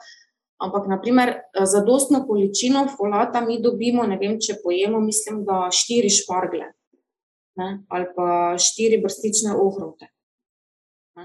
Zelena, ja. ja, to se mi sicer sliši malo premalo, ampak vsi smo možno, ne vem, ne vem točno, koliko imajo špargi folata. Uh, ja, je pa tako, ker si rekla, da imajo ugodne učinke. Ja, mislim, nima ugodnih učinkov, samo zadosten vnos folatov je pomemben za normalno tako. zapiranje, ja, pa za celično ja. delitev v ja, končni fazi. Ja, ja. In, in to je nekaj, kar lahko dobiš s prehrano, samo težava je, stvar se preventivno predpiše, kar jaz v bistvu podpiram. Uh, to je manje, ker pač folati so itak v, v vodi topni, tako da eh, ni to nekaj, s čimer lahko predoziraš. Uh, in ker glede na to, da večina ljudi nima prehranskih navad, ki bi omogočale zadosten vnos folatov, je to zelo smiselno, da, da, se, ja, da je to nek blank slate priporočilo, ker pač koristi bistveno odtehtajo um, kakršne koli negativne posledice, ki so v bistvu vprašljive, če sploh so kakšne. Je pa res, da folati so samo ena stvar. No? Prvi čitak jih lahko s prehrano dobiš, če poskrbiš za to. Je, je res je problem, da ljudje stročnic pa zelene listnate zelenjave načeloma ne uživajo za dosti. Eh, ne bi glih bil tako samozavesten, da bi rekel, da dajte pojesti štiri špargle na dan, pa bo za dosti. Ja. Smešno je bilo, ker sem prav zadnjič nekje to zasledila, ne? pa smisla, o, prav ne morem verjeti. Ne? To je mogoče nek za, tako, mejno zadosten vnos. Jaz spodbujam, da pojeste več kot to. Okay? Definitivno. Ja. Ja, absolutno. Ampak ja, vse prav si rekla. V bistvu to so stvari, ki z malo pozornosti jih ni tako težko v prehrani. Ja, bolj sem hotela v bistvu ilustrirati, ne, uh, da koliko se pač izkorišča nevednost ljudi, uh, pa to, da živimo zelo instant. Mm. Samo to, v bistvu, to izkorišča te naše lastnosti. Ne? In da jaz mislim, no, da pač res uravnoteženo, nepredelano hrano, vse to dobimo. Če je pravilno strukturirano. Tako. In če bojo pari uspeli to vzpostaviti, jaz mislim, da je to uh, odlična stvar, dolgoročno, potem tudi za celotno družino, ne samo v tistem trenutku zanimivo. Mm.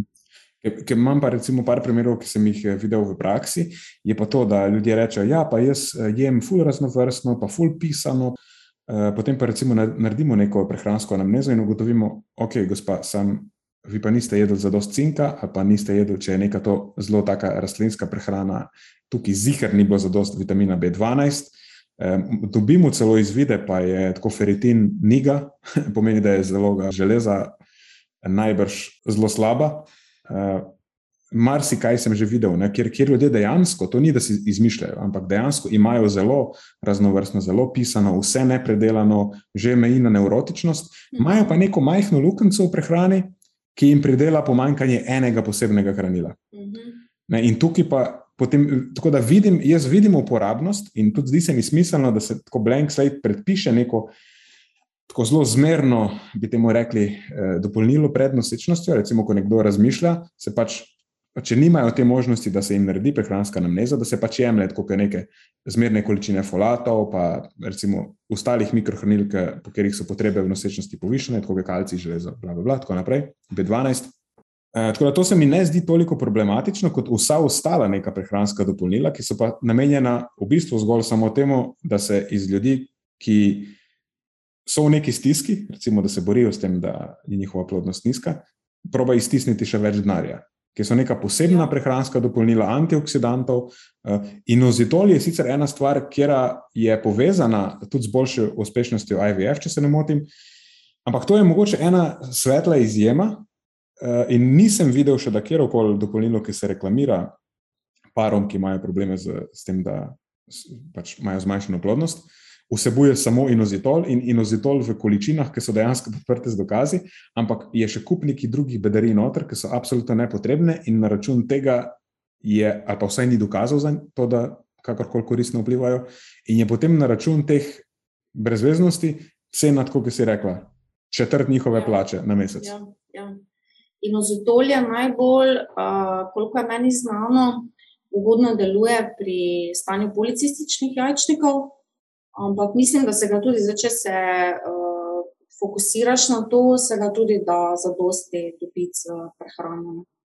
Ok. Ja, to pa zanimivo, to pa nisem nikoli, nikoli nisem preveril. Uh mhm. -huh. Kako bi bilo z dosti? To je eden od B vitaminov, kako je zdaj. Nekoč je bil klasificiran kot B vitamin. Ja. Uh, me pa zanima, to bi bilo fino preveriti. Me res zanima, kje bi dejansko to, v narekovajih, terapevtsko dozo, kako bi jo dobil s prehrano.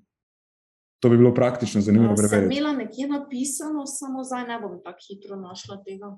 Nema veze, bo dala za naše Patreone, to je bonus. okay. Kako s prehrano, lahko bi članek napisala, kako s prehrano vneseš dostne količine inozitola. Uh, ampak zdaj, ki smo že pri naših Patreonih, uh, pač podpornikih podcasta, tudi ki imamo uh, kanal na Discordu, potem sem jim pred parimi dnevi napisal, da bo Amidva snemala in uh, so postavili par dobrih vprašanj. Pa bi mogoče jaz še za, za konec ja, obdelal, obdelal še, še ta njihova vprašanja. Je bilo par zanimivih, ki so se mi zdeli tako, hm, kako se nisem jaz tega spomnil. Ali to je pa ful dobro vprašanje. Da, oni so dejansko so ustvarjalci tega podcasta, ker očitno, oči, ja, očitno pozitivno uh, prispevajo k, k vsebini. Ja. Uh, prvi je bil ta, ki je res pogosto vprašanje, recimo telesne dejavnosti v zgodnjih fazah zanositve. Sej ena stvar že so povedala, pač neka zmerna stopnja, primerna stopnja bo imela pozitiven vpliv. Ampak potem je bil drugi del tega vprašanja, ki, se, ki je vprašal, ali so dejansko katere situacije, kjer je dobro počivati v narekovajih z nogami v zrak 24-7, ker to je nekaj, kar ginekologi včasih rečejo ali pa celo pišejo, najbrž tudi v narekovajih. Eh, a je to nekaj mogoče, kar naredijo samo za zavarovanje, ali ima to kakršen koli smisel?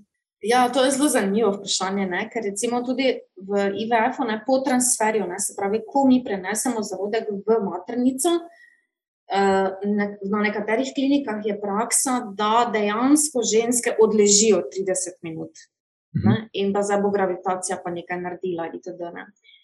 No, študije tega niso mogle nikoli potrditi. Ne. Tako da recimo začne, začne se že tukaj, ne, čisto od, od faze implantacije. Ne. Kaj se pa potem tekom nosečnosti tiče, so kaka res izredna zdravstvena stanja, ne, kot je, vem, izjemno skrajšan maternični vrat, placenta previa, se pravi, predležeča posteljica. Res, to so, ampak to je izjemno redko, ne. Ko se nosečnici dejansko priporoča, da se izogiba nekih težjih fizičnih aktivnosti, ne. Sicer pa moje mnenje je, da nosečnica, ki je pred nosečnostjo bila telesno aktivna, naj s tem svobodno nadaljuje naprej, dokler se pri tem počuti ugodno. Tekom nosečnosti se potem malo se spremeni težišče telesa, trebušček, ki pri določenih stvareh ovira, se pravi, dokler ona ne čuti nekega nelagodja, je telesna aktivnost tekom nosečnosti zelo zaželena, celo tole ameriško združenje ginekologov in porodničarjev je lani izdalo smernice, da je telesna neaktivnost tekom nosečnosti enako ogrožajoča za plod in mamico kot kajenje in alkohol. Recimo, da se zavedamo, ne, koliko je to res pomembno za dobro počutje mamice, preprečevanje nosečniškega diabetesa, lažje okrevanje po porodu, tudi preprečevanje poporodnih depresij, ne, tako da to bi bilo, no, bom rekla, moje mnenje. Ja, saj, saj na podlagi tega, kar vemo o človeški fiziologiji, telesna dejavnost je ena stvar, ki je ključna za to, da je naše presnovno okolje ali pa presnovni profil normalen. Z gibanjem stimuliramo mišice, mišice so v bistvu pomemben presnovni rezervoar, tako da uh, pač to je to, kar vemo o fiziologiji, pol druga stvar je pa, kaj uh, pri nas zdravniki rečejo. Zdaj, smešno je, da na tej točki dodajam uradno opozorilo, da mi dva nisva zdravnika in se pred eh, kakršnokoli resno prilagoditvijo življenjskega sloga posvetujte z zdravnikom, ampak moje osebno mnenje pa je, da zdravnik, ki priporoča, da moraš ležati z nogami v zrak 24-7 v nosečnosti, ali pa če si bila prej telesno dejavna, pa zdaj moraš nasilno zmanjšati telesno dejavnost, čez mejo tega, da ne samo to, da si pazila, kje ti je udobno, pa kje ne, ampak da si zdaj bistveno manj telesno dejavna, da ta zdravnik nima pojma. To je pa samo moje osebno mnenje. Moj cinizem včasih. Ne, ampak sej, jaz verjamem, da večina, spoh eh, zdravniki, ki so zdaj, eh, kako bi temu rekla, mlajši zdravniki, mislim, da vejo, kako te stvari vplivajo, in noben ne bo rekel, da ne bi telesno dejavna. To je mogoče že kakšna stara šola, ki tudi so bili, pa čisti iskreno, tudi oni so bili, se ne, ne govorijo tega zato, ker bi hoteli komorkoli slabo, ampak takrat ni bilo do teh dokazov, ki, ki so na voljo zdaj, in je bilo pač res kot neke vrste zavarovanje. Mogoče bolj varno reči, ne biti telesno dejavna, ker pa imaš v populaciji par, mogoče žensk, ki pa ne imajo nek problem, kjer bi lahko neka zelo naporna telesna dejavnost in povzročila težave. Da, ker vem, kako se pač nosečnica obravnava, probamo biti ful zaščitniški do njih, kar je čist prav, je potem tudi iz tega naslova razumem starejše zdravnike, ki so včasih rekli, da ne biti tok telesno dejavna. Ampak mislim, da si ti fajn rekla. No? Ja, dajmo biti malo zadržani do te meje, kje je to še zate udobno. Ne se forsirati, ne, ne izvajati nekih preveč napornih, pa ne vem, delati salt, pa v počepih osebnih rekordov podirati, ampak tako, pač, dajmo biti pametni pri tem. Telo, ja. Ja, ok, sam sicer nisem glih fan tega izraza, ampak razumem, kaj hočeš. Razumem, kaj hočeš reči. Ja, dajmo biti pametni. No? Pač, dajmo premisliti, pa dajmo biti pametni. Absolutno. Ja, ja super. Pa je bilo naslednje vprašanje, kako verjetno je, da IVF uspe. To mislim, da si že povedala. Uh, ja, sem povedala, če so pogoji optimalni, ne, okrog 40 odstotkov, ne, odvisno od klinike do klinike, sicer pa so ti odstotki nižji. Tako da po uprečju recimo traja dvakrat do trikrat. To je sigurno. Ja. Tok krogov, ja. Kaj polje vprašanje se nadaljuje, kako dolgo zadeva ponavadi traja. Koliko je to Če je časovno? časovno, to je mišljeno verjetno časovno. Ne? Uh -huh. Eno so pač čakalne dobe, pa postopek, ki je potreben, da sploh par pride do samega postopka, to lahko traja sigurno eno leto. Uh -huh. Uh, potem pa med enim in drugim postopkom, seveda, priporočeno vse nekaj mesecev pauze, da se pač, uh, telo zopet malo regenerira, regenerira in malo resetira od vseh vnešenih hormonov in nekih intervencij, ki smo jih pač na telesu opravili. Uh, ampak lahko je pač tisti, uh, tisti uh, ko se vse poklopi, ne, uh, je lahko to v prvem poskusu. Lahko pa za nočem sicer nikogar strašiti, ne, ampak jaz pri svojem delu vidim pare tudi, ki pridejo že 15-tič. Ja, Ja, to- to... povem zdaj, da malo vejo, da pač tudi to je realnost. To je zdaj tako. 40 odstotkov je dejansko ni velik. To je ni, dokaj nizek odstotek. Ja, pa še vseeno več kot pa recimo uh, po naravni poti. Ne? Recimo ljudje smo izjemno neplodna vrsta. Ne? Ja, Vsakem- absolutno. Sam hočem reči, da včasih si kdo misli, da 40 odstotkov, pa ja, pa se bom šel dvakrat pa v redu. Če je vse, če je vse v redu. Ja, ampak teh 40 odstotkov zveni vrljivo visoka številka. Ker tako, ko greš v kasino, pa je a veš, recimo na roleti rdeča, črna, pa se je pol pol. Ja, ja. Vse je pol Ja, pol. ja. Ne, Ne, pa se ti ne. pa zgodi, da je devetkrat zaporedoma črna. Pa je bilo 50 odstotkov. Ja, ja, ja. ja nažalost je, je v resnici potem res lahko tako. Ja. Ja, to je tako, da Nažalost, ne. nismo ljudje tudi dobri v tem, kako verjetnosti razumemo. Ja. No, pa imamo še eno vprašanje, ki pa je bilo moje najljubše vprašanje od teh, Mhm. ker je to moj pet piv, ta, ta stvar. eh, Je vpliv CBD in konopljenih pripravkov na plodnost in nosečnost. Ker jaz sicer ne vem zakaj, ampak vsakič, ko so omenjeni te, te ali konopljeni pripravki v zvezi z, z zdravjem, vsi takoj domnevajo, da je stvar ima pozitivni učinek. Ja, to mi je tako neverjetno. Ja. Vse razumem, približno odkje to prihaja, to je ta neka naturalistična zmota, ker to je pa zdaj rastlinca, pa eh, tudi neka taka zelo kumbaja, pozitivna zgodba je spletena okoli te stvari. In pol, ne, to je zdaj skoraj od Boga poslano, pa bom imel sam vse posod, kamor otaknem po, pozitivne vplive. Ne. Ja, ampak zdaj, jaz sicer nisem ful načitan na tem področju, ampak se mi zdi, da obstajajo indikacije celo v obratno smer. Ja, zdaj tudi meni ni to področje tako blizu, ne, uh, da bi imela blazno naštudirano. Mi je bilo zanimivo. No? Malo sem probala poiskati. Uh, veliko študij ni na tem narejenih, ne? predvsem zaradi tega, ker nobena nosečnica si ne bi želela ne? Uh, dejansko tega jemati in biti tam kot uh, en poskusni zajček. Ne? Tako da večina študij je narejenih pri ženskah, ki so pričale, da so pač tekom nosečnosti, poleg konoplje, se pravi tudi THC-ja, ne samo CBD-ja, uživale, ne vem, še alkohol, pa še kakšne druge droge. Ne. Tako da, Mm. seveda, tam je bil neki negativni učinek ugotovljen.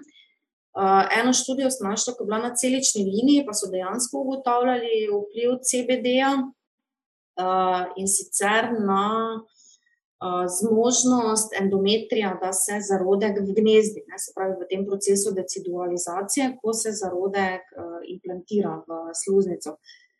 Uh, odvisno je od doz, pa odvisno kateri kanabinoidi, vse so prisotni. Bi pa jaz tako rekla tu, ne, da um, so sigurno ne, um, neki stranski učinki, ki so premalo raziskani, da bi jaz zdaj tu lahko kakršno koli pametno mnenje dala. Uh, in jaz bi, definitivno, če bi bila v taki situaciji, prej poskušala z nekimi drugimi uh, stvarmi regulirati svoje stanje. Ne. Mhm. Uh, en signal, ki se pojavlja v literaturi, je mislim, tudi negativen vpliv na kakovost sperme. Tako da to je nekaj, na kar ne pravim, da je to tako, ampak nekaj, na kar je smiselno biti pozoren. Mislim pa, da je najbolj korektno, da rečemo, da trenutno ni dokazov. Ja, receptorji so, ne, receptorje so našli ne, in na uh, semenčicah, in na uh, celicah endometrija, ampak um, se pravi, neki vplivi tu, uh, to je zelo težko raziskovati. Ne. mm. Uh, ja, se je v te. bistvu noben noče zdaj nekega trdnega mnenja dati, ne, ali Ja, za saj- ali proti. Ne. Ja, eh, te kanabinoidni receptori so skoraj vse da, Ja, menda že od dvoceličnega zarodka naprej, ali pa sem. Ja, tako da to niti ni tako čudno. Je pa res, da nimamo dokazov v učinkih, tako da ne moremo reči, da je pozitiven ali negativen vpliv, vsaj ne z neko zelo visoko mero gotovosti. E, tako je za večino stvari, za katere se ta CBD in konoplja oglašuje. Ja. E, to je trenutno tako zelo tako sivo področje. ja, E, ja, mislim, da so pokrila vse. no super. Malo Mislim, vse. se zavlekla čez eno uro. V redu je, lej, to je po mojem še kar sprejemljivo. Meni se tudi da si bila dovolj zanimiva, da te bodo ljudje poslušali. To je drugače, kot ko samo jaz nakladam ali pa ko se samo mi s fanti zberemo, pa prebijamo neumnosti, pa potem po eni uri noben več ne posluša, razen tisti štirje zvesti poslušalci, ki skozi ostanejo do konca. Uh, tako da, ej, hvala, meni je bilo super, jaz sem užival, se najbrž se sliši celo uro pa pol, koliko je že bilo. Ja, hvala, Nenad, tebi. Meni je bilo super. Jaz upam, no, da smo odgovorila na kako vprašanje, ki se je pač postavljalo poslušalcem, ali pa mogoče razjasnila, um, kako sploh v bistvu sam ta postopek poteka, kaj naj pari pričakujejo. Jaz upam, da so dobili no, neko pomembno sporočilo, da jih nismo hotla uh, kregati, kvečemo spodbuditi no, k temu, da pač uh, lahko dosti naredimo sami. Da so proaktivni. Ne? Tako. Torej, Če pa jaz bi sam še to povedal, itak te bom vprašal, na katerih kanalih te lahko najdejo, preden zaključiva. Eh, samo to, da dejansko, če kdo potrebuje pomoč, pa sploh, če potrebuje pomoč, eh, tako malo hands-on, ne, nek oseben pristop, pa definitivno, če živi tam v enem delu eh, kako je to, vzhodne Slovenije, pol si mu ti, naj, mu ti najbliže, ne, Ja. pa najte kar obišče ali pa tvojo stran. Če pa je kdo na tem zahodnem delu Slovenije, pa, pa pač lahko tudi nas kontaktira. Absolutno. Jaz mislim, da tukaj eno je zavedanje, kaj pomeni zdrav življenjski slog, drugo pa je, tako si prej rekel, spraviti to v prakso. Ne? In ponavadi, uh, če se sami odločimo za neke take spremembe, vztrajamo mogoče tri dni, en teden, ali pa do prvega vikenda, ali pa do prvega slabega dneva v službi, pol pa ta motivacija uh, pade. Ne? Uh, tako da menim, da je to več kot dobrodošlo, da če se odločimo za take spremembe, da si poiščemo nekoga, ki nas bo na tej poti kvalitetno in dosledno spremljal, ker pol je res uh, pač učinek uh, zagotovljen. ne. Uh, tako da, ja, mene najdejo na vzhodnem koncu Slovenije, natančneje Maribor oziroma proti Šentilju. Uh, moja spletna stran se imenuje Fit for Family, enako tudi Facebook, um, Facebook stran. Uh, redno objavljam bloge, se pravi, neke informativne članke pišem, ker um, vidim veliki smisel no, v tem, da se pare predvsem informira, Super. opozarja na to, kje vse, uh, kje vse še imamo rezerve. Mhm. Ja, tako kot si rekla, je bistveno lažje, ko te, ko te ne vodi nekdo, ki malo razume to področje. Me, jaz sem skozi pozitivne izkušnje z ljudmi, ki pridejo s tem namenom k nam, eh, ker so visoko motivirani ponavadi. Bistveno bolj kot neka druga, bolj splošna populacija. In je res, skozi sem vesel, no, ker se sploh še se zadost hitro odločijo za to, da ni tako, da pridejo k meni, da jih popravljam, ne, kot se prej pogovarjala, ampak da pridejo že na začetku, so zadost motivirani, eh, niso nič prej sami zašuštrali in poje vse zelo elegantno poteka in smo vsi na koncu zadovoljni. Ne. Zdaj, če pa čakaš do zadnjega, ali pa pol že probaš neke napake servisirati, poje pa za vse nas sam ful teže. Seveda, to je tako, kot smo se prej na začetku pogovarjali. ne. Uh, avto tudi, ne, uh, kako začne nekaj škripati ali pa cviliti, peljemo k avtomehaniku, ne, ne Mhm. nazaj, ker sami šraufamo doma, dokler ne naši vsa kolesa odpadajo. Ne. Ja, Um, ja. Dobro, to je po mojem lahko na tej točki kar zaključivo. To je bil To je za tokrat vse iz naše strani. Hvala, ker ste poslušali do konca. Delite epizodo s svojimi znanci in prijatelji in jo priporočajte dalje, saj s tem omogočite, da sporočilo znanost dobrega počutja doseže čim večjo množico. Hvala vsem, ki nas podpirate s članarino in tudi vsem ostalim, ki delite podcast dalje in nam izkazujete naklonjenost z visokimi ocenami in pozitivnimi komentarji. Se slišimo prihodnjič, do takrat pa ostanite premišljeni.